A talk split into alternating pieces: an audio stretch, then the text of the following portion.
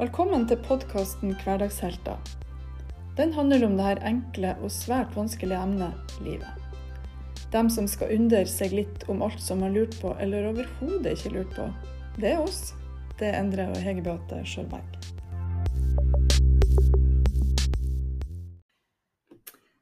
Ja, i dag har vi med oss Nina Gravert. Velkommen til oss.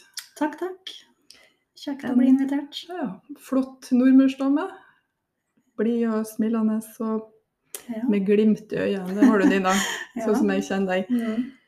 Ehm, hvem er du, Nina? Hvor er du ifra? Ja, hvem jeg er? Eh, Nordmørsdame, så jeg er jo født og oppvokst i Kristiansund.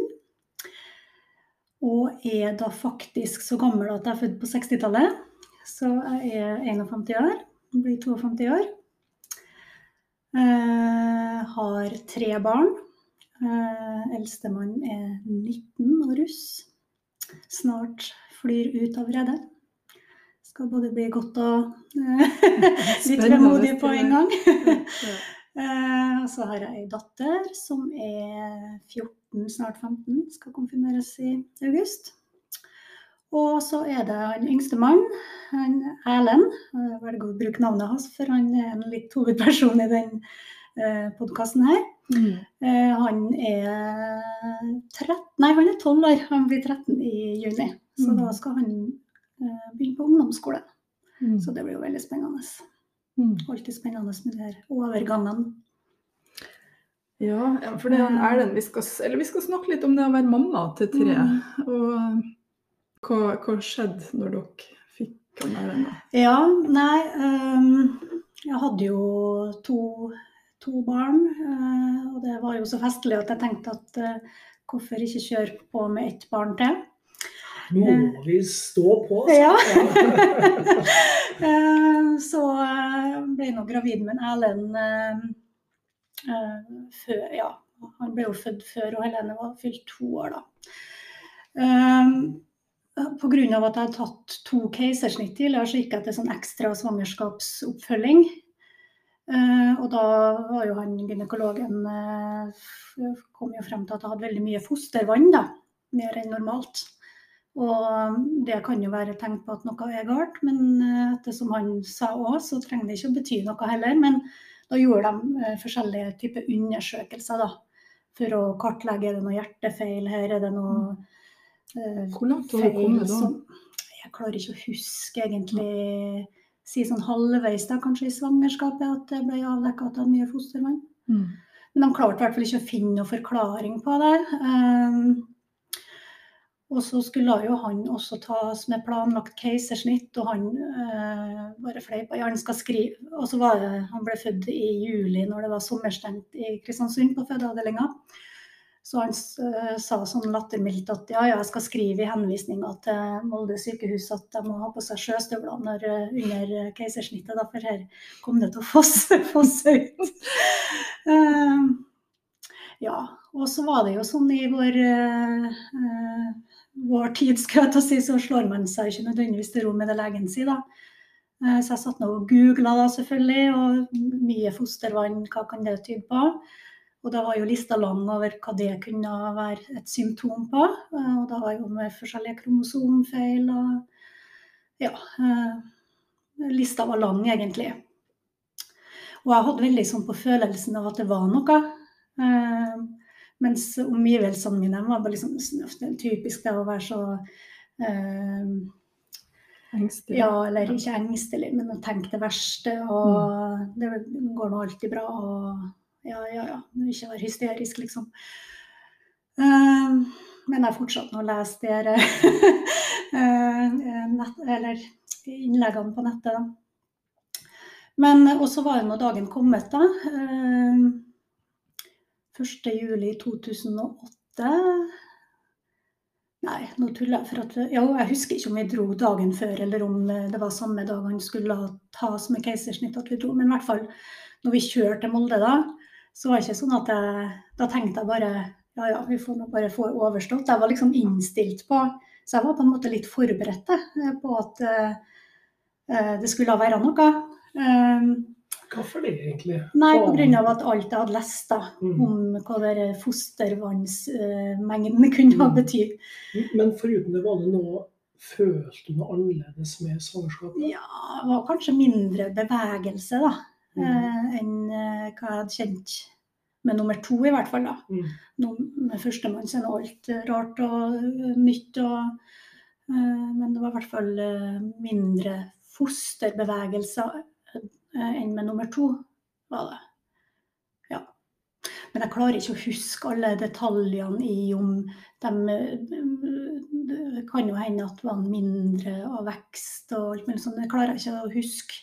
Mm. Men i hvert fall da så kom vi nå der til Molde, og han ble nå tatt ut med keisersnitt som planlagt.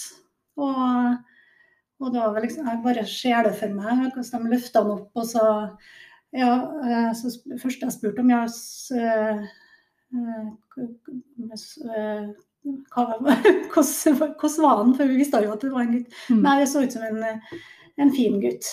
Og det hadde de jo rett i, han var jo veldig fin, så det var ikke noe gærent sagt i det. Så er det jo sånn, når du tatt keisersnitt, så jo, lå jo jeg på den over, eh, overvåkinga i første timene, mens eh, babyen ble jo da tatt med på føde, eller på barselavdelinga. Eh, Så tenkte jeg ja, ja, da fikk, tok jeg noe feil noen gangen her da. da var det noe jeg som var hysterisk og hadde spilt meg opp unødig. Eh, Da gikk det bra den gangen her, da. Puste og litt lett Ja. ut. Mm. Men så gikk det en time, eller eh, ja, maks to, da. Så kom det en eh, sykepleier eh, ned der jeg lå. Og så spurte hun ja, liksom sånn, ja, hvordan går det med Jo, sa jeg det går veldig bra med meg, men hun er mer spent på hvordan det går opp, lenger opp i etasjene her. Og da ble hun litt sånn rar i ansiktet da, og sa ja, nei, jeg vet ikke hva jeg skal si, men eh, det går kanskje ikke helt sånn som vi hadde uh, forventa, da. Nei, og hva var det da? Ja, nei, han hadde ikke, visste ikke noe interesse for eh, Eller han var veldig slapp, da. Eh, Og ja, vi, vi visste ikke noe tegn til at han var sulten, eller ja, jeg husker ikke helt hva hun sa. Men, eh, men eh, så sa hun jeg skal sende en barnelege, så skal hun få snakke med deg.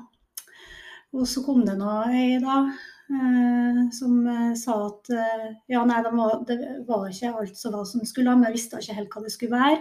Men hun slengte jo raskt ut da, på sviktende grunnlag en mulig diagnose. da, For det hun sa, hun sa at det vi kanskje tror er at det er en jente med, eh, med feile kjønnsorganer. Og da måtte jeg jo bare begynne å flire, for at det syns jeg jo nesten var helt komisk. for at Ja. Det er noen første folk spør om jeg fikk du en gutt eller jente. Nei, altså jeg vet ikke. så jeg ble liksom nesten som galgenhumor rundt det. da. Og da begynte hun å snakke jo, men at de er så flinke nå. vet du, Hvis det er sånn, så klarer de å operere det. og... så egentlig har jeg tenkt på i ettertid, så har jo det kunne vært noe man virkelig kunne klaga på. At de kom med en sånn eh, antagelse uten å ha gjort skikkelig undersøkelse. I hvert fall da, så gikk det noen, noen timer, så fant de jo ut at de måtte sende eh, gutten til, til nyfødtavdelinga i Ålesund. Lå du nede ennå? Hadde du fått sett han da? Nei. Nei. Du bare fikk informasjon? Ja, bare var- så liksom idet han ble tatt ut. Og, så, Ja. ja. Uh, og han ble jo da flydd med helikopter til Ålesund. Og han lå jo i sånn nyfødt kuvøse, så da var jo ikke plass til passasjer. Pluss at jeg var jo nyoperert, så jeg hadde jo ikke kunnet krøke meg sammen i det helikopteret. Så han for nå av gårde, og jeg etter i, i ambulanse, da. Ikke med blålys, men i ro og mak. Jeg husker så godt hvordan jeg lå der og kjente hver en hump på veien. Liksom. og så var det en eller annen stor fotballkamp, så på TV, lurer på om det var noe VM eller et eller annet sånt. Men eh, jeg husker i hvert fall eh, jeg også ser ambulansefolkene liksom holdt på og hørte på den fotballkampen. Så det er sånn rart lite glimt som henger igjen da, fra den kjøreturen. Eh, Men jeg kom nå på Ålesund sykehus, ja, og da hadde jo de lagt ned i kuvese der. Og så ville de at jeg skulle kom det noen forskjellige leger da, ut det ene etter den andre, at jeg skulle sitte igjen med den kuvøsa. Så uh, ja, du må prøve å binde deg til den. Det var, sa de, ja, du må bare prøve å binde deg til den. Det syns jeg jo var helt absurd, at jeg ikke skal uh, bare gjennom en sånn glassmonter. Uh, Nei, og så hadde de jo så mye Det er jo sånn typisk, det vet vel du som lege, at man, man eh, begynner å lete etter det mest sannsynlige eller det mest kjente eller det du har sett før. Eh, sånn at de hadde jo det var en leger som sa ja, han lurte på om ikke ørene hans satt litt lavt. Og det ja, mye sånne ja, Kunne det være downs, selv om det ikke så ut som han hadde downs. Ja. Mye teorier. Eh, og, og du fikk alle teoriene hele veien? Sånn. Ja, de Ja. Mm. Mm. Nei. Og så um, um, var det slik at jeg skulle ha Det var jo litt uh, Han var på nyfødtavdelinga, og det er jo ikke en sengepost for voksne. Så jeg fikk jo seng opp på barselavdelinga. Uh, der alle gikk rundt da med babyene sine og sånn. Og da fikk jeg en veldig sånn nedtur, da, når jeg lå der en ting er når, du, når jeg var nede på avdelinga, det foregikk noen, det var eh, et, ja, hele tida folk som kom og gikk.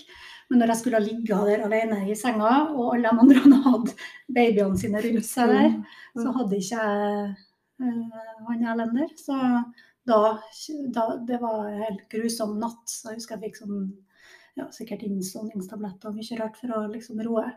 Men da kom de eh, frem til dagen etterpå at eh, det ble feil at jeg skulle bo der. Da, så fikk jeg heldigvis eh, et annet rom. Da. Men Var det noen det som snakka med deg, da? Annet enn skulle til å si å komme med diagnoser og sånn? Ja, det, man blir jo på en sånn nyfødtavdeling så blir man jo veldig kjent på, veldig fort i miljøet med både de legene og sykepleierne som kommer og går. og de andre foreldrene som er sånn at du eh, det blir jo vi, var, Bare for å si det, så var vi bare på sykehuset i 14 dager. Og det er ikke så veldig mye, da, egentlig. Eh, men eh, Nei, alt ble egentlig veldig Bortsett fra den første natta der hvor jeg fikk en sånn knekk, skal jeg si, så ble det veldig sånn praktisk Litt sånn rasjonelt skal jeg si, hverdag ved at en prøver ja. Så man altså, forholde seg til det ja. som er der. Men det er jo ikke så rart at man, man kjenner på det. Tenk litt som du sier, der, mm. skjer det i hui og hast mm. og, og keisersnitt og plutselig ja. frakta. Og så ja. også at man får en mm. reaksjon. Det, mm. Men når, vi var, når jeg kom på den andre avdelinga der, da, så så eh, var det jo flere hva skal jeg si, likesinnede ikke som hadde akkurat samme utfordring, men da var det var liksom godt å komme sammen med andre mødre da, som hadde et eller annet som eh, med barnet sitt som gjorde at de ikke kunne reise hjem med det samme. Da. Slags felles trøst. Ja, mm, det kan du si. Mm. Og så var nå begynne å nøste i hva det var til her. Og det var jo i juli, så det var jo mye sånn sommervikarer og inn og ut med folk.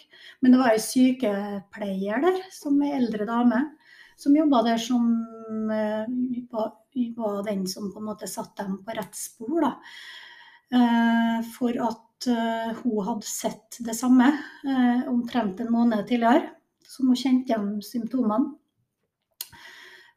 og pekte på eller hun sa til legene kanskje dere skal tenke på Prader-Willy syndrom.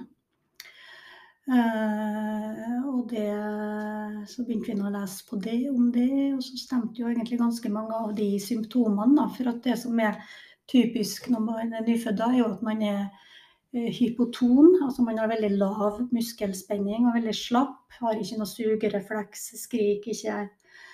uh, ja, så ble det tatt forskjellige sånne gentester, da. Men i hvert fall, det kommer jeg tilbake til, akkurat den gentestinga der. Men, eh, men hverdagslivet på da, den nyfødtavdelinga gikk jo på å få han til å få i seg næring. Eh, og da hadde vi også nesesonde første ja, de, de ukene vi var på sykehuset, da. Men eh, vi klarte å få han til å få i seg litt mm, melk gjennom ei sånn sprøyte, tror jeg. Bare så vi sprøyta inn i munnen, sånn at han kunne reise hjem uten den nesesonden.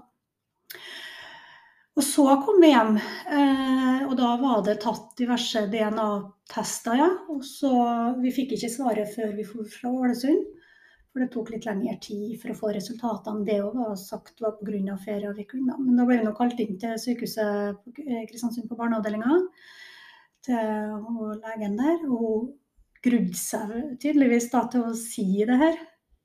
For hun sa bare Jeg sier bare med en gang, jeg. Men uh, han har Prader-Willi syndrom. Ja.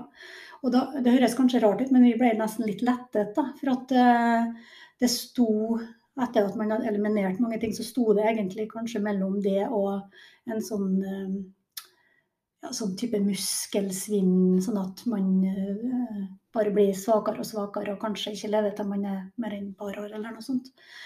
Så det var det jo ikke, da. Så vi var nå egentlig litt sånn mm.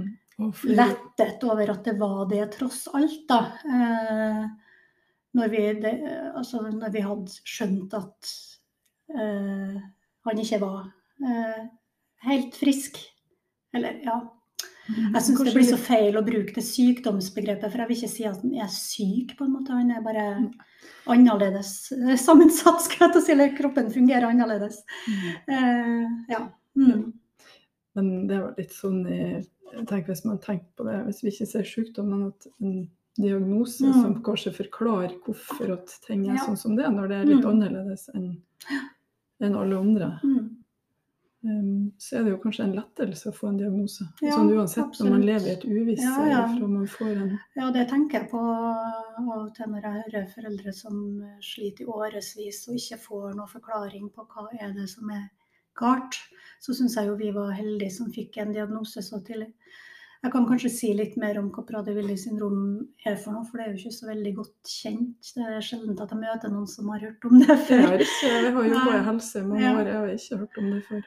Ja, jeg skal nå prøve å holde meg til kortversjonen, da, for at jeg eh, kan jo fort snakke meg på viddene om det her, da. Men uh, uh, Prader-Willi syndrom er jo da en sjelden medfødt genfeil, altså det er en kromosomfeil. Uh, så der var det en link til det med foster, mye fostervann. Det er en, en feil på kromosom 15 som gjør at han ikke har den biten fra far. Den virker ikke, eller den er ikke aktiv, da, som gjør at kroppen utvikler seg og fungerer annerledes.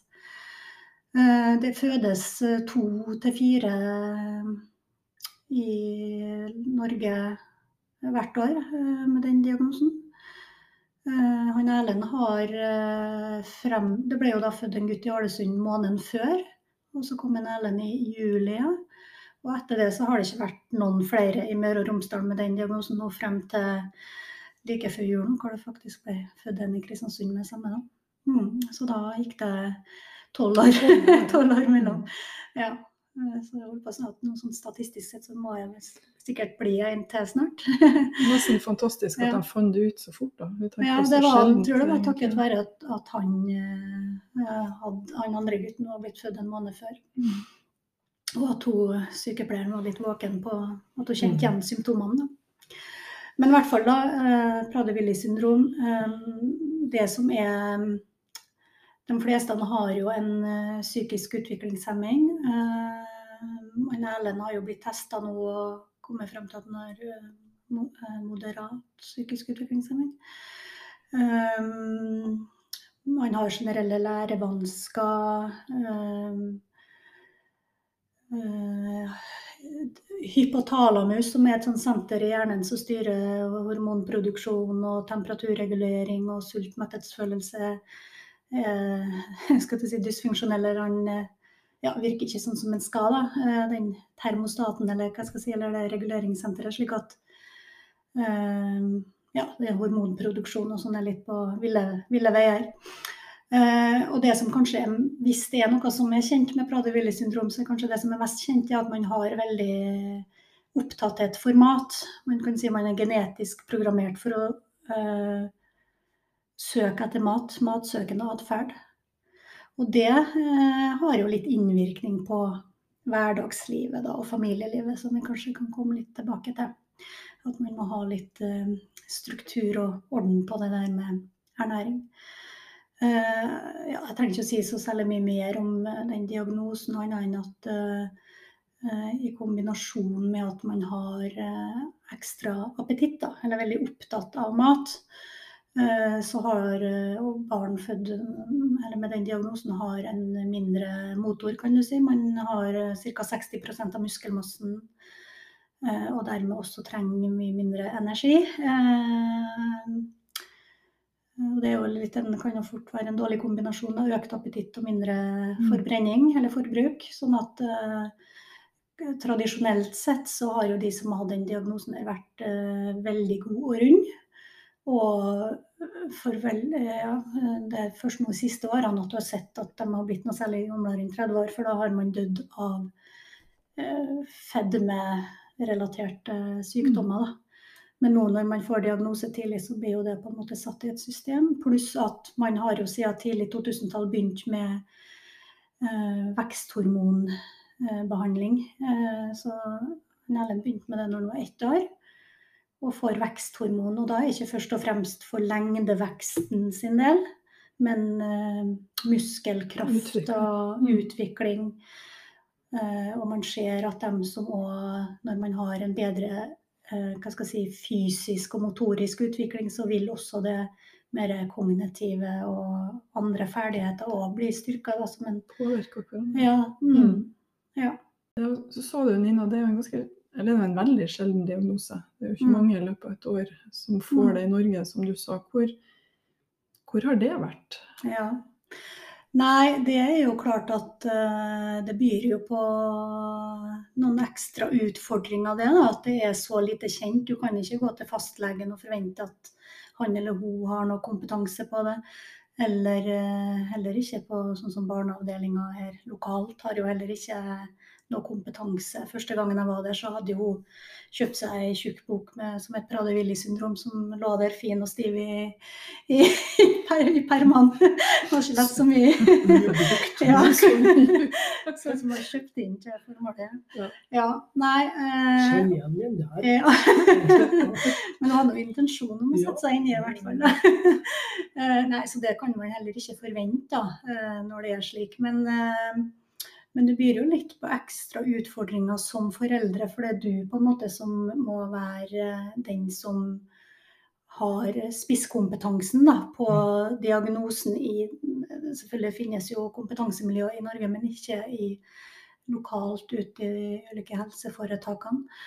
Um, og eh, man har jo veldig lyst til å finne kanskje sammenlignbare grupper. Ja, kan vi, eh, kan vi sammenligne med Downs f.eks.? Eller altså, man har veldig behov for å finne noe som man kjenner som ligner, da. Og overføre på en måte eh, de erfaringene man har og kompetansen man har til også denne type diagnose. Men det som var så fint, da, i og med at eh, vi har jo, vi jo må si, takk lov at vi bor i Norge, da, for at eh, vi har jo noen fine kompetansesenter eh, rundt om. Og eh, når Erlend var bare to-tre måneder, eh, så reiste vi til Frambu, som er Senter for sjeldne diagnoser. Og det var jo en merkelig opplevelse, for da var det jo et sånn familiekurs for barn, nei, altså foreldre, foreldre og barn, eller der man hadde barn med Prader-Willi syndrom. Og det var jo Tenk hvordan er å komme til et sånt sted, men det var jo som å komme til en eller annen sånn familiesetting. Der alle skulle holde på den babyen som gikk på rundgang. Og, for det var jo barn fra 0 til 16 år som var i den kursgruppa. da, og Han var jo desidert yngst da. Ble litt maskot nå. ja, ja, ja. Og, og ja. Nei, så det var jo uh, veldig Føltes godt. uh, godt å komme dit og få Det var nå ei hel uke, da, og da var jo de to eldste søsknene med òg. Det å få så mye påfyll da, om hva innebærer denne diagnosen, uh, både av medisinsk info uh, det som går mer på Ja, det var jo det tidlig for oss ennå, men det med tilrettelegging i barnehage og etter hvert skole. og ja, familieliv og søsken og Husker du var- hvor mange familier som var der? Samtidig? Ja, Sånn cirka? ja si sånn 10-15 da, kanskje. Ja. Ja. Eh, og med, med type forelesninger på dagtid for foreldrene og barnehage eller skoletilbud for barna. Og så var det mye sosialt på kveldene og aktiviteter. Og satt og prata til langt på natt om og utveksla erfaringer, da. Eh, og det var Og der fikk vi jo da eh, et godt nettverk som har fremdeles, da. Vi har jo vært ute på Frambu flere ganger. Jeg tror nå vi har vært der tre, tre ganger, i hvert fall. Tre ganger har vi vært på kurs der. Eh, og da etter hvert så er jo kanskje det faglige påfyllet Man kan jo ganske mye etter hvert, at, men da er jo det, det sosiale og det å møtes og eh, de samtalegruppene mellom foreldre, samtalegruppe for søsken og sånn, at det er kanskje den største verdien enn ren sånn diagnoseinformasjon, da. Mm. Så er det kanskje en verdi at nå har dere en erfaring som dere kan ja. meddele nye familier med ja. Radabilis. Mm. Og, og jeg har jo vi, er jo, vi meldte oss fort inn i Landsforeninga for Prader-Willy syndrom, da, som er en og nå har jeg nå rota meg bort i styret og stell, så nå er jeg nestleder i den foreninga. Så da arrangerer vi jo ulike tilstelninger, skulle jeg til å si, for mm. ja, fagdager og seminarer og type persontreff. Og ja. Du blir ikke sånn. overraska over det, Hege? Ja, nei, og så har jeg bare roter meg borti ting som jeg tenker etterpå Uff, kan jeg ikke bare da. men, men jeg tenker, jeg tenker, kan du spørre om en annen ting? Ja. Eh, når du var der, og så var han så liten første gang, og mm. dere har fått en veldig sånn ukjent diagnose, og så, så mm. var det unger som var mye større. Ja. Eh, når du så dem, um, mm. og så har du en liten baby som du vet at det her på en måte blir ja. framtida. Ja. Så oppfatter jeg at du sier at det var trygt på et vis. Ja. Men, men, fikk du noen sånne tanker om Erlend sin framtid? Det var veldig bra at du spurte om, for det hadde jeg nesten litt glemt eller fortrengt, eller eh, hva skal jeg si. Eh, men det var jo faktisk en ganske så skremmende opplevelse. Eh, for at det var noen av de barna, de største, som hadde ganske så utagerende atferd og som kanskje hadde mye tilleggsdiagnoser. Jeg tror jeg noen som hadde, bl.a. ei som sto og eh, hamra på døra utenfor spisesalen mellom måltidene og lurte på når det blir mat igjen. Og ja, jeg tenkte jøss, er det sånn det skal være? Er det sånn mm. det skal bli? Eh, og etter egentlig den tilbakemeldinga fra den gruppa vi på, så har de gjort det annerledes på Frambu. At nå har de fra null til seks år, og så har de, de har delt opp i litt mindre aldersspenn. da. Og så har vi òg gitt tilbakemelding på at uh, uh, prøv å se om man kan òg eh, legge inn litt hva er det positive, da. Hva er det For det blir, du kan jo bli mm, Det er jo ganske mørkt når du går inn og leser diagnosen og alle plagene og ting som kan oppstå. Og det er kanskje naturlig at et sånn type kompetansemiljø tar for seg det som er annerledes enn normalen. Men Eh, vi ga i hvert fall tilbakemelding på at det har vært fint om vi har fått noe som er på en måte styrkene som de ser. Da. Mm. Uh, mm. Ja. Men uh, i hvert fall så har jeg stort utbytte av å være med i den foreninga og være tilknytta det miljøet der. Og det er jo ikke mer enn 150 kjente tilfeller i Norge. Sånn at vi har jo ganske god oversikt over uh, ja, i hvert fall dem som er sånn på samme alder. Og, ja. Så vi bruker jo å ha sånn type treff og sånn. Det har jo vært litt dårlig nå med det siste året av kjente årsaker, men eh, ja. Men når dere har vært der etterpå, har dere hatt med søsken da? Eller har det vært uh, uten? For du så det kun være med søsken og sånn? Ja. Mm. To første gangene så var begge med. Siste gangen så ville ikke han eldstemann Magnus være med, for han, han syntes det var veldig stas første gangen. Men siste gang så sa han nei, jeg har innsett at det her er ikke et hotell, men det er en institusjon. det var ikke liksom så spennende lenger. så, men ja. Så mm. siste gangen så ja.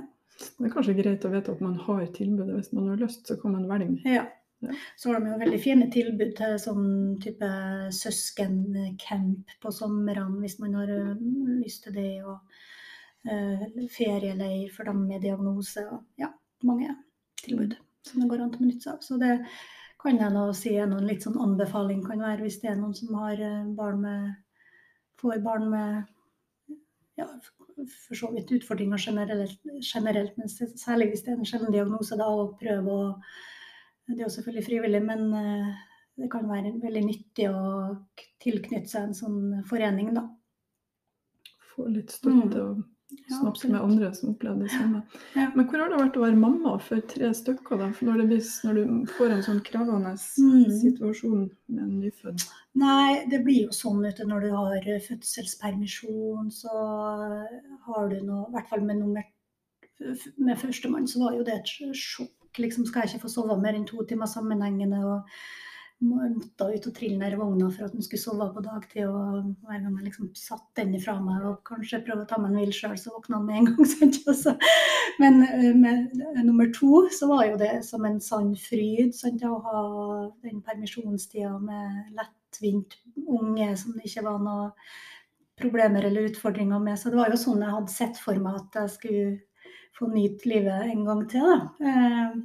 Men det ble jo litt annerledes da, for at eh, selv, Jeg har jo sagt det med Prader-Willi syndrom at man er veldig opptatt av mat, men det er jo noe som kommer etter hvert. For at utfordringa i første eh, året, leveår, er jo det å få i eh, barnemat.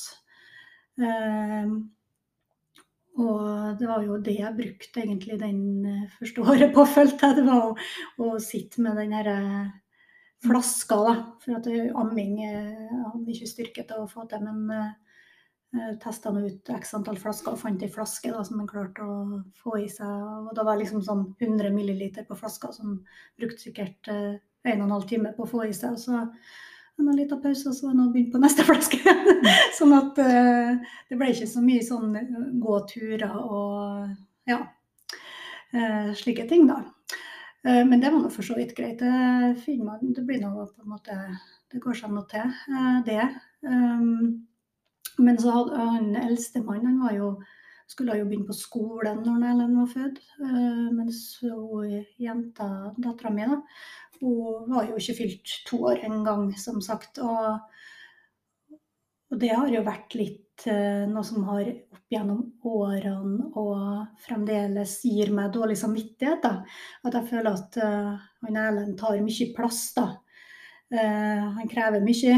eh, og eh, gjør at jeg ikke får eh, brukt så mye tid på henne som jeg har villet. Eh, jeg prøver jo å snakke med om det. Er det uh, Syns du det har vært vanskelig? Jeg har sagt henne at jeg har dårlig samvittighet for det. Og, men hun bare er sånn Neimen, det er noe Mm. det er ikke noe å bry seg om. Det er ikke noe å stresse med det, liksom. så Kanskje en fordel når du er bare Ja. to år òg, for du har jo bare levd med det. ja, akkurat hun har ikke merka en sånn stor forskjell i livet før og etter. på en måte. Hun har jo hele tida hatt han eh, rundt seg. Nei, og så prøver jeg nå av og til. Hvordan er det å ha en uh, lillebror som en Erlend? Nei, det går nå greit, det sier de nå begge to. De vil på en måte ikke Men jeg tenker at um, uh, istedenfor å tenke på hva har de eventuelt mista eller gått glipp av, eller hvordan har livet deres påvirka seg negativt, så tenker jeg nå at eh, de har jo fått mye kompetanse og erfaringer som kanskje andre barn ikke har på samme måte. da. Annet han eh, Magnus han skulle søke seg jobb for første gang. Eh, på et lekeland som skulle åpne. Så hadde jo ingen jobberfaring fra før. Og ja, hva skal jeg skrive på CV-en? Og, da, eller og hva skal jeg skrive i søknad? Og da sa jeg at du kan skrive at du har en bror som eh, krever litt ekstra, og du har lært deg gjennom det å være tålmodig og det å, å, å ja, eh, håndtere situasjoner som er vanskelige. Prøve å vri det som en positiv kompetanse. Da. Og det er jo òg det, da. Så jeg Mm. tenker det er litt sånn, kanskje litt sånn tydeliggjøring for, Mm. for dem som er ungdommer. da. Ja. Ting Mm. som de tar som en selvfølge, men Ja. det er jo faktisk det er jo en god læring i det. Ja. ja. Selv om at det er jo altså, Nå har jeg jo ikke sagt egentlig så mye ennå om hvordan Erlend er i dag da, i familien, men eh, jeg kan jo si at um, han er jo um, eh, han er som sagt 12, snart 13. Eh, han er jo en veldig artig og sjarmerende kar som eh, de fleste blir veldig ja, jeg må si glad i, og kanskje litt sånn fascinert av. Han er jo en litt sånn maskott egentlig på Dale, der vi bor da. Alle vet hvem en Erlend er. Når vi er på butikken og alle hilser på en Erlend, både voksne og barn. Men uten at jeg vet hvem de er, men liksom high five, hei, hei Erlend og ja. Men, eh, og godt humør og god humor og veldig sosial og kontaktsøkende. Men så har han eh, sine sider med at han er veldig eh, rigid. Veldig opphengt i strukturer og systemer, og at ting skal være forutsigbart. Hvis han har fått lovnad om, eller fått for seg at i morgen skal vi det eller det, og det ikke skjer, så raser jo verden totalt sammen før nå. Det kan jo være eh, helt sånn små ting som er uforståelige for oss eh, som gjør at han eh, klikker i vinkel sant, og blir bare helt ja. Viktig for ham. ja. Så, men det er jo sånn når man lærer seg etter hvert hvordan man skal formulere seg på en sånn rund måte at åpninga er i alle, alle endene, skulle jeg til å si. da. Så det er en sånn må, ja. For han har jo litt sånn si, litt sånn autistiske trekk. da. Han har ikke det altså, som diagnose, men enkelte ting som minner om det. Fjernkontrollen skal stå på samme trinn som det han er gammel. Sant? Det skal stå på tolv. Eh, lyden i bilen skal stå på tolv uansett om det er fin eller stygg sang. Ja. Eh, det skal telles til tolv. Ja. En sånn struktur også Så der prøver jeg å si til henne at jo, men vi kan jo ikke fortsette sånn til evig tid. Altså, vi kan jo si vi stopper på tolv nå med det systemet der. Og så, så prøve å forberede på at det, det blir ikke nivå 13 på, på lyden. Til slutt så blir det litt uholdbart for lyd. Mm. Ja. Mm. Men, men eh, når han var eh, liten, du snakka om sånn moderat utviklingshemming, Mm. og kom språk og sånn i, i, sier, i normal utvikling, eller måtte dere bruke mye ekstra Nei, altså eh, I forhold til å gå, så gikk han faktisk når han var ganske nøyaktig to år. Og det er forholdsvis eh, tidlig da, eh, med den diagnosen. Eller sånn helt, ja. Ikke ansett som veldig forsinka, i hvert fall i forhold til det du kan forvente. Når det gjelder språk, så er jo det fremdeles en utfordring. Eh, han eh, har eh, for så vidt godt ord, forråd og god forståelse, men han har veldig utydelig uttale da, pga. den altså muskelsvakheten. Så har han litt dårlig munnmotorikk, og da, så han får ikke liksom frem lydene. Sånn at eh, ja, må jobbe veldig med å forstå hva han sier, da. Mm. Eh, Vi skjønner jo det aller meste som han sier, eh, og han er jo veldig flink til å finne alternative måter å uttrykke på. Men for folk som ikke kjenner han så godt, så kan kanskje det være litt vanskelig, da. Og så er det at han babler noe i vei, da. Han, eh, det det, han skravler av gårde om sine ting, og, og er veldig påståelig, da. Vi kaller han for professor Erlend, for han vet alt om hvordan verden henger sammen. Det går ikke an å diskutere med han, altså. Det høres ut som en artig livåt fyr. Ja, Det er det absolutt. Det er, jeg kjenner jo jeg blir helt varm om hjertet når jeg tenker på han når jeg ikke har han eh, sammen med meg her nå. Men eh, samtidig så blir jeg jo veldig sliten av henne òg. Mm. Det er skikkelig gnagsår i ørekanalene, skulle jeg til å si. Og så får han bable om, om det samme om og om igjen. Eh, uten stans omtrent.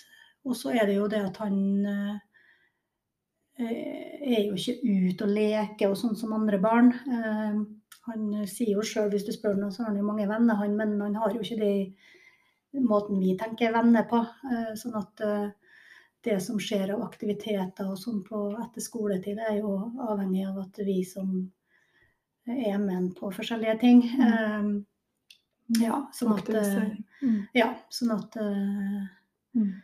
vi er nå veldig tett, da. Sant, ja. Men synes du det var vanskelig da man var liten? da? For det, det var jo sikkert mye så si, første året så bruker Mm. man mye tid på mating, og så Mm. er det jo mye det her å sette seg inn i hva det er. Um, var det sånn at du ble litt redd, eller syntes det var vanskelig å være borte fra han? Nei, ikke redd. Starta han i barnehagen? Ja, han starta når han var ett år. Ja. Men det som var, var at han fikk så veldig pusteproblemer, da. eh, Med Ja. eh, Hadde mye sånn eh, pulsfall om natta, og han lå en periode med sånn puls I hvert fall en hel høst, sånn som jeg husker, med sånn pulsoksymeter og puls Nei, ikke puls, men med oksygen oppi Mm. nesen. der alarmen som gikk hele natta på at det var for lavt. Og, eller Litt sånn i av seg. beredskap på natta Ja. da. Så det var jo veldig slitsomt. Så da Men det, og han skulle jo egentlig få sånn BPAP, som pustemaskin. eh, Fikk den tilpassa alt mulig. Men så ble Ja, nå er vi jo inne på det medisinske igjen, men han, han, de tok, selv om han var veldig liten, så tok de mandlene hans faktisk, og noe på lippa. Og da ble han faktisk fin i pusten etter det, heldigvis. Ja.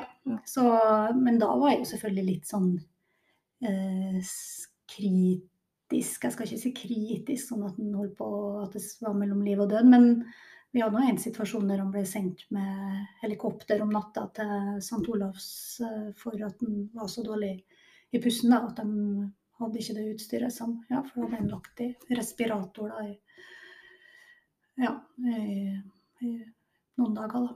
Mm. Ja, sånn at det har jo vært ting, men eh, Og jeg skrev på en tida så skrev jeg sånn, jeg hadde en sånn loggbok på nattbordet.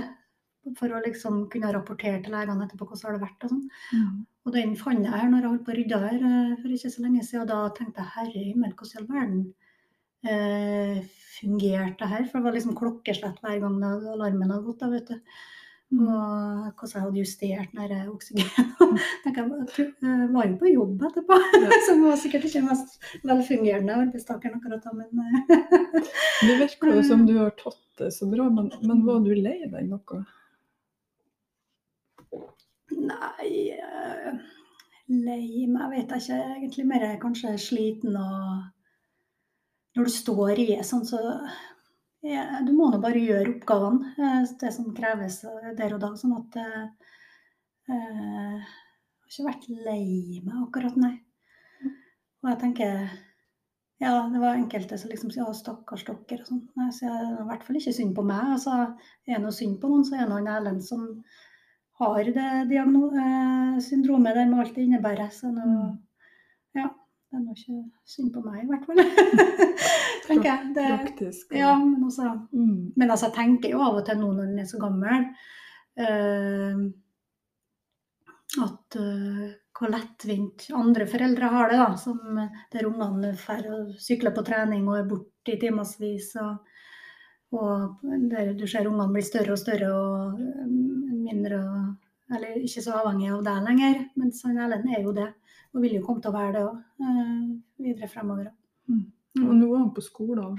Ja da, han har gått på skole og barnehage som jeg skulle til å si normalt hele tida, med selvfølgelig tilrettelagt opplegg. Da, men, men, eh, så det fungerer veldig fint, og Jeg er fornøyd med den oppfølginga fra det. da. Mm. Liker han det sjøl? Og han elsker det, for han alt som er struktur, og det å få ukeplan og tidspunkt og, og ja, så det Hverdagene fungerer mye bedre for han enn ferietid der vi ikke helt har noen planer, eller ja, vi får se hva vi skal finne på i morgen, liksom. Han, tar, han tar det veldig bra egentlig, men trives aller best når eh, ting er strukturert og kan følge en plan. Mm. Da trives han godt. mm. Eh, Men har han, eh, når det er tilrettelegging i barnehage og skole, det, har det vært mange forskjellige, eller er det noen som har liksom fulgt han? Nei, det har nå vært litt eh, bråket eh, akkurat første årene. Og med spesialpedagog på første årene på eh, barneskolen var nå litt sånn kom si, kom sa. Men siste fem årene, vil jeg nå si, eller siden tredjeklassen i hvert fall, så har det vært hos samme spespeden. Og ja, og det har vært en veldig styrke, for hun ser jo ja, fremgangen og Mm. For full utvikling. Ja, og- nå har vi, hadde vi senest i går samarbeidsmøte med ungdomsskolen, eh, der de er veldig flinke på det med overlapp i forhold til å overføre kompetanse. Og. Så det var i går så åpna hun og spespeden med å fortelle om alle styrkene. sine. nå kjente jeg nesten jeg ble helt rørt. Jeg ble jo så fort rørt av sånne ting. Mm. Ja, når hun satt der og skrøt over hvor flink han var og sånn. Og det må jeg bare si at det er kanskje sånn du setter ekstra pris på, da. De små fremgangene eh, som du kanskje tar en selvfølge med andre barn, men som blir en sånn ekstra seier, eller som eh, du applauderer ekstra da, når det er eh, Når han får til ting, da. Eh, ja. Ordentlig glede. Ja. Han kan jo ennå ikke lese og skrive. Eh, han kan bokstavene, han har ikke skjønt det med å dra Så. dem sammen. Men ja, Men i hvert fall så er det Og likedan hvor godt inkludert han har vært i klassen opp igjennom. Og faktisk så var han med på leirskole sammen med klassen i, i august i fjor, da, på Hitra. Og ingen av oss foreldre var med. og han lå på fellesrom med de andre, og jeg tror de syntes det var litt dristig av oss at vi tok sjansen på å sende ham av gårde uten at noen av oss var med. Men uh, det gikk veldig fint. Og ja. Kanskje fint for han òg å få mm. lov å ha på en måte et sånt liv uten mm. dere. Ja, det tror jeg er veldig viktig for han. Mm. Nei da, så, men Hvis han hadde villet at vi skulle vært med, så hadde vi selvfølgelig blitt med. Men når han har tro på at han skal kunne klare det her sjøl, så må jo vi på en måte bare Ja. Kanskje ta fram trua. Det er jo sånn som du beskriver det, det er jo klart det er mye utfordringer, men også mye glede og mye positivt. Mm. Så virker det som dere har funnet, eller du har funnet en måte å mestre og takle det på som har gjort um, at det har um, fungert for deg mm. på et vis. Hva, Hva har, du gjort det bevisst? Mm. Nei, jeg kan ikke si akkurat bevisst, men uh, jeg velger nå prøver nå i hvert fall ikke alltid man lykkes like godt med, men jeg prøver nå generelt i livet å tenke og se mulighetene og hva kan være oppsida ved det her, istedenfor å tenke på det negative og grave seg ned i problemene. Sånn at eh, det som jeg har lært meg, egentlig er en veldig grei strategi. Mm, I hvert fall altså, når du får et barn med utfordringer, eller i hvert fall for min situasjon. Jeg skal ikke si at det er sånn for andre, men det er faktisk det å ta én dag av gangen, og ikke ta sorgen på forskudd. Eh, når man leser en sånn type diagnosebeskrivelse, så er jo det det er jo som du leser bivirkningsliste på en eller annen Paracet-eske eller noe, så skulle du tro at alle mm. skulle tørste å ta den tabletten heller. Men eh, alt som står beskrevet av, eh, på en sånn diagnosebeskrivelse, det skjer jo ikke ditt barn. Det er jo på en måte samleliste av alt som kan skje. Og, og han er jo et enkeltindivid og ikke en diagnose. Men det som jeg tenker, eller jeg prøver, da, er jo å leve veldig sånn i nuet her og nå. Eh, og ikke ta sorgen på forskudd, som sagt. For at jeg har gjort det noen ganger, at jeg tenker for langt fremover. Hvordan blir jeg når han er voksen? Hvordan blir jeg hvis vi som foreldre faller vekk? Eh, eller blir syke? Hvordan blir det da? Og da har jeg bare tenkt at nei, jeg må bare slutte å tenke på det som ligger foran. Men samtidig så er jo en del ting som skal planlegges, da, sånn at man må ha på en måte Selv om jeg har det her eh, nærlysene på, skal jeg si, så må jeg ha litt sånn utsikt fremover òg, da. Eh, for årene går nå fort. Og det er jo enkelte ting sånn som det å komme over i egen bolig og sånn, det, en, kan være et langt lerret å bleke. sånn at en, vi må jo allerede nå begynne å tenke litt i de baner. Eh, men igjen så tenker jeg liksom praktisk det å Nå hørtes jeg ut som en sånn sportsutøver. Uh, uh, hørte jeg for meg før. Det jeg skulle si nå, at jeg må liksom bare fokusere på oppgavene som ja, konkret. Ja, det er akkurat det. Ja, hvis han skal måle bolig, mm. istedenfor å bekymre meg hvordan blir det, blir han ensom, blir jeg bra? Så må jeg tenke ja, da må vi først ha en sånn, da må vi gjøre det, da må vi ta kontakt med dem. og ja, Litt sånn praktisk mm. og pragmatisk tilnærming, da tenker jeg er litt sånn mestringsstrategi for meg. Men det er jo noe folk forskjellig, da, sånn at uh, i hvert fall det fungerer godt for meg, da. Og mm. ja, og så ha litt sånn humor i det hele, da. Altså litt sånn ja. Greie å senke skuldrene litt. Ja. Men jeg tror det er viktig det du sier. og jeg tenkte jo derfor når vi snakker om ting, jeg tenkte det er viktig at man finner sin egen måte å takle den mm. på. Så er det jo lov uansett. Det er jo sånn som du mm. sier om Erlend. Det er jo hans sin, sin utvikling, hans sitt, mm. sitt, liv trenger ikke å være likende som alle de andre. Og sånn er det med hver familie og hver som opplever det. Men jeg syns jo du har kommet med mye, jeg tenker mye av det du har sagt om det med nettverk, det med informasjon. altså Det å på en måte få skape en trygghet. Og det å bruke eh, si, hjelpeapparatet for det det er verdt, altså i forhold til muligheter for støttekontakt og avlastning og, og ja, nettverk ellers, da. Eh, så tenker jeg bruk det rått og brutalt. Skal, eller man skal ikke bruke opp heller, da. Selvfølgelig. Eh, det må jo være litt balanse i det, men i hvert fall eh, Ja. Nei, men tenker ikke å ha dårlig samvittighet, det er vel egentlig det Ja. mener. mente. For Ja. Å, få avlåsning. Men det er jo klart at jeg, jeg kan jo fort bli bekymra og miste nattesøvn eh, eh, ved å tenke på, på Ja, ser for meg han eh, i en bolig. Eh, blir han, ja, han sittende alene? Får han et godt tilbud? Eh, får han venner? Er veldig opptatt av at han skal ha noe meningsfullt å gjøre, at han får seg en jobb. Mm. Det har han, jo, han har jo så mye jobbplaner. Han skal jo både bli tannlege og frisør og bankemann har gått gjennom før, da, men det har han ikke snakka så mye om det siste. Bankemann det er ikke en bankmann, men det er en snekker eller tømrer. Mm. Så det har jeg satt meg som mitt eh, virkelig visjon her i livet, at jeg skal få, skal få gutten i arbeid. Mm. jeg skjønner jo at det må i et eller annet være noe tiltak, da, men i hvert fall så skal ikke han måtte sitte og tvinne tommeltotter. Så det er virkelig mitt store mål, da, at han skal få en meningsfull aktivitet når han blir ferdig med skolegangen. Uh, ja. Men uh, som sagt, jeg kan ikke tenke uh, For min egen del så har jeg, kan jeg ikke tillate meg å tenke for langt fremover. For da, blir jeg, da kan jeg bli bekymra og Ja. ligge våken om nettene og tenke på hvordan det blir. Ja.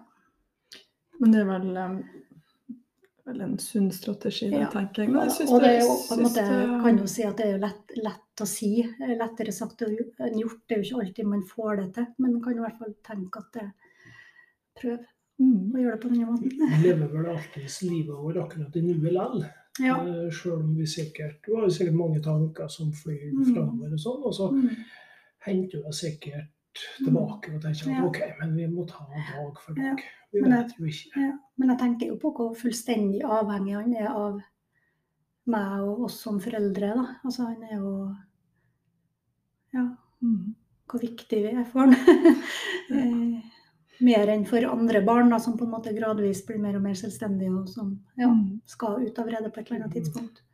Det er vel det Mm. som kanskje er den største bekymring, eller Mm. det som man tenker mest på når man får en, Mm. en unge som ikke ser sykdom, men som har Mm. andre utfordringer som gjør at man er nødt å være mer til stede som foreldre. Ja. Og så syns jeg det er veldig fint det du sier med det med jobb. Jeg tenker at jeg tenker også den viktigheten av å få føle at man er en del av Mm. samfunnet og har en funksjon, og at, at Mm. det åpnes opp sånn at det lages muligheter Mm. for alle som har Ja. lyst. Det, Mm. det tenker jeg òg er, er kjempeviktig. Mm. Så um, Nei, så det det, håper jeg virkelig at, uh, at det finnes noe. Det tror jeg òg, Nina. Jeg tenker det Mm. finnes noe når man vil det og ønsker det. mm. Og når du er i ryggen på den, så tenker jeg det kommer til å gå bra. Mm. Mm. håper du har rett i det. Ja. ja. Jeg tenker litt sånn Det kan jo være mye for voksne og foreldre å ta inn over seg en sånn diagnose. Um, er han Erlend Tenker han over sjøl at, han- at han er annerledes, eller Mm. snakker dere noe om det? Ja, kanskje ikke at han er annerledes, jo, jeg har kanskje snakket litt om, men jeg har jo jeg vet ikke akkurat hvor gammel vi var når vi begynte, eller gammel han var når vi begynte å si at han hadde Prader-Willy syndrom, da, men vi jeg har i hvert fall siden skolealder prøvd å eh, informere ham om hans egen tilstand, for å si det sånn, og hva det innebærer på godt og vondt. Uh, og han forstår jo at det er ting som de i klassen kan gjøre, og som de får til, som ikke han får til. Annet hvis de har sånn type turdager, skal gå på en eller annen fjell, uh, så er jo ikke han motorisk i stand til det. Det blir for langt, eller han går for sakte. Uh, og det er på en måte aksepterende at han må ha et eget opplegg rundt det. Og så er jo enkelte andre ting. Jeg sa jo det at det det var en veldig målsetting at en skal ha noe jobb og en meningsfull aktivitet eh, når en blir voksen. Og der eh, har en jo sett for seg at en skal kjøre lastebil og med en sånn arbeidsbil, da. Arbeidsbil med mye utstyr i det stas. Men så er det jo slik at de som har Prader-Willy syndrom, vil jo ikke kunne ha sertifikat. Og det er jo sånn som jeg måtte allerede nå begynt å forberede den på. da. Eh, ja, ja, men kanskje du kan være hjelpemann på en bil, eller du kan jo ha en bil, men du må ha noen andre til å kjøre den for deg. Sånn. Og da, etter litt sånn frem og tilbake og utspørring og grubling rundt det, så har han jo på en måte akseptert det, da. En annen ting som kan være litt sånn sårt og vanskelig, det er jo det at uh, man ikke er fertil, da, ikke er i stand til å få barn. Heldigvis, vil jeg nesten si, for jeg tror ikke akkurat det har vært så uh, veldig forsvarlig. Mm. Sånn sett, Men han Erlend ser jo for seg veldig at han skal ha et sånn type A4-liv med jobb og kjæreste og hund og ja. så har jeg jo informert ham om det at de som har Prader-Willy syndrom, kan ikke få barn. Nei. Og så har han jo uh, lært om på skolen da, med, med ja, sånn type seksualundervisning og, mm. og ja, sånn som de gjør i den alderen der. Og da spør han vet du, eller spurte han om eller, hvis kjæresten min får baby, må jeg gjøre det slutt da? Og da blir det sånn Ja, det er litt sånn ja, da skjønner ikke han på en måte helt hvordan det henger i hop likevel. Nei, sier jeg nei, men eh, Nei, visst, da må du bare du prøve å stille opp og hjelpe til så godt som mulig, da. Så da må du bare mm. Eh, ja, det ordner seg sikkert, det. og sånn. Istedenfor å gå inn på en sånn veldig Nei, du skjønner at uh, teknisk sett så kommer ikke det til å skje. Ja. Bare litt sånn jatte litt med da, på akkurat det og heller fokusere på om du kan bli sånn super, superonkel. Og tenk deg onkel Erlend kommer på besøk, det blir mm. stas, vet du. Ja. Det er på en måte En ting er nok hvordan vi tilpasser oss og, og lærer oss å leve med hans uh, situasjoner, men vi må på en måte forberede han best mulig på det. Og, mm. og, og slik at han har litt uh, ja, hva skal jeg si, realistisk bilde på hva Eh, hvordan fremtida vil være, da. Mm. Mange ting for deg å tenke på som mamma òg, tenker jeg. Sånn i ja. alle de her variasjonene og ja. måten man må, må, snakke om ting på. Ja. Mm. Og da er ja, Han har veldig klare planer på at han skal ha to hunder, og så skal han bo noen år Han skal bo i tre år i Nord-Norge. Men det er jo en bra ting. Ja. og så skal han komme tilbake igjen. og så skal han flytte på Rensvik av alle plasser. Da. Så da skal jeg få komme på te og taco. te og taco. og da må man bare kose seg med den tanken, da. Og så tenker jeg men det blir koselig, Ellen. Ja. Det blir trivelig. Det gleder jeg meg til. Jeg har som en sånn målsetting at vi skal vi samler på stikkutposter. Det er jo et sånn felles prosjekt vi har. sånn at vi vi har som mål i år nå at vi skal ha 50 sånne stikkutposter. Og da er, koser vi oss når vi er rundt på tur. Og det er kun når han er på tur sammen med meg at han vil registrere kode. Det er liksom det som det, det er liksom oss sin greie. Ja. ja. det er jo en fin ting òg. Ja. Det er vel sunt for han sjøl, si, selv om han har utfordringer drar på tur, så er det OK at, holder, at han holder seg i aktivitet. Ja, det er jo veldig viktig. At han eh, får utfordra seg litt, han òg, på sitt nivå. Så det er veldig ja, viktig at han har en aktiv hverdag. Og igjen, hvis jeg skal si det med, som jeg nevnte tidligere, med dårlig samvittighet, altså, føler jeg jo alltid på at jeg burde vært flinkere til det enn hva man har overskudd til i en travel hverdag, da. Men vi gjør nå så godt vi kan. Men ikke alltid at mor er like ivrig heller, skjønner det. Det er vel litt ja. over alle foreldre har, kanskje enda mer når det er noen som, ja. som trenger deg mer. Men det trenger mm. man alltid går og kjenner man skulle gjort enda litt mer. Mm. Og så har man jobb, og så har man andre unger. Ja. Og så, så det er vel noe som mm. henger litt med oss å være foreldre. Men jeg må må si at det høres ut som, som du bruker veldig mye tid og gjør veldig mange fine ting med ungene, så jeg tror ikke du trenger å ha dårlig samvittighet, Nina. Det, Neida. det er vel lettere å si til andre enn ja. til seg sjøl. mm. Det var kanskje fort en sånn mammating, mamma det. Tenk på alt det der.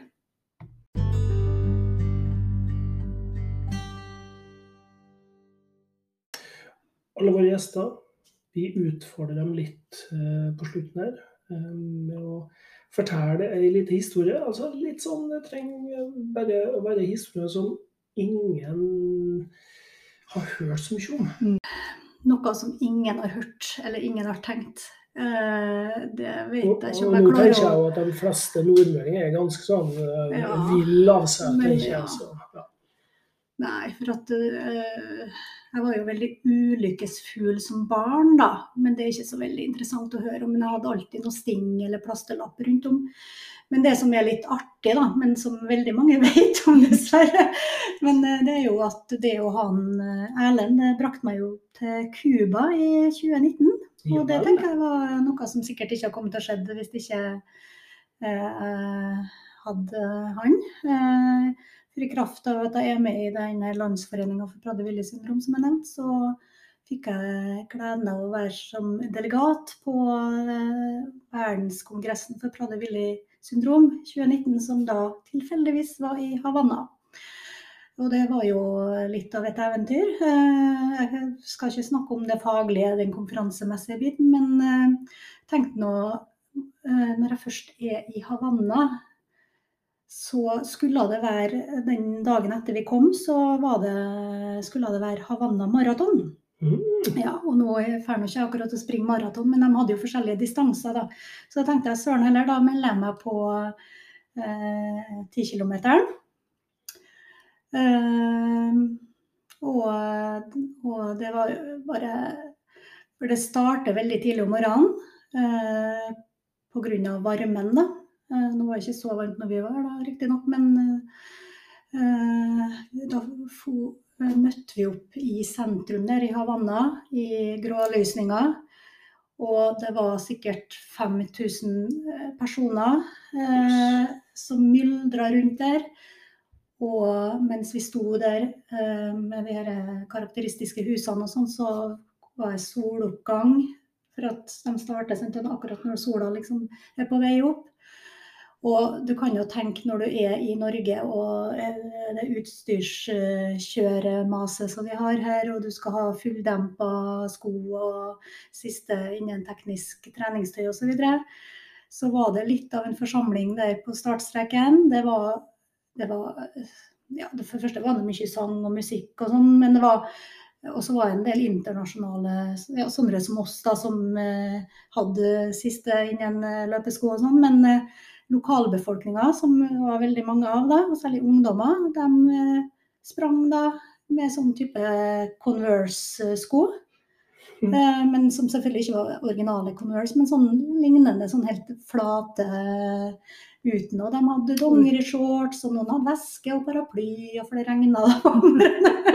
Så det var Nei, bare det å vært med på det. Jeg skal ikke si hvordan tid jeg for det var ikke noe men bare det å være med på den stemninga der, Mm. og, og, og, og springe bort gjennom eh, strandpromenaden der i Havanna med alle de folkene og Nei, det var virkelig Ja, det kan anbefales.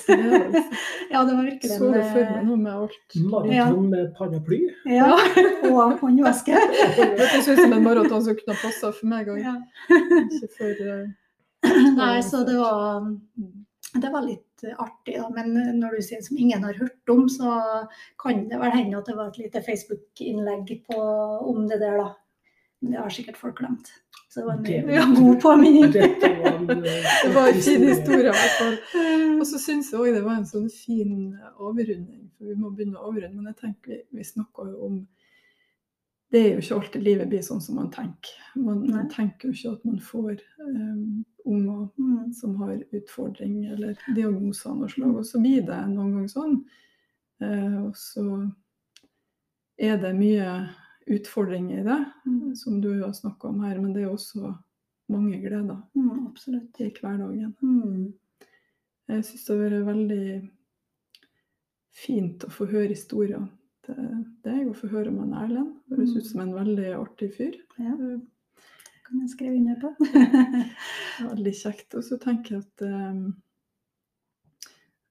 det som du sa med å ta en dag i gangen, det tror jeg er en Det er ikke enkelt. Ja. Det høres ut som du sier noen ting. Det er enkelt å tenke Mm. at det her er lurt å høre, men jeg tror for mange Mm. som, som har utfordringer på forskjellig Mm. vis, det å tenke at vi får ikke gjort så mye mer med Mm ting. Men hvis vi greier å leve en dag i gangen og gjøre det mm. beste ut av det, så har vi de beste mm. forutsetningene for å takle ting på en mm. bedre måte. Det tror jeg gjelder for alle vi her. Ta en dag om gangen. Takk, Nina, for at du har vært med oss her. Ja, bare hyggelig.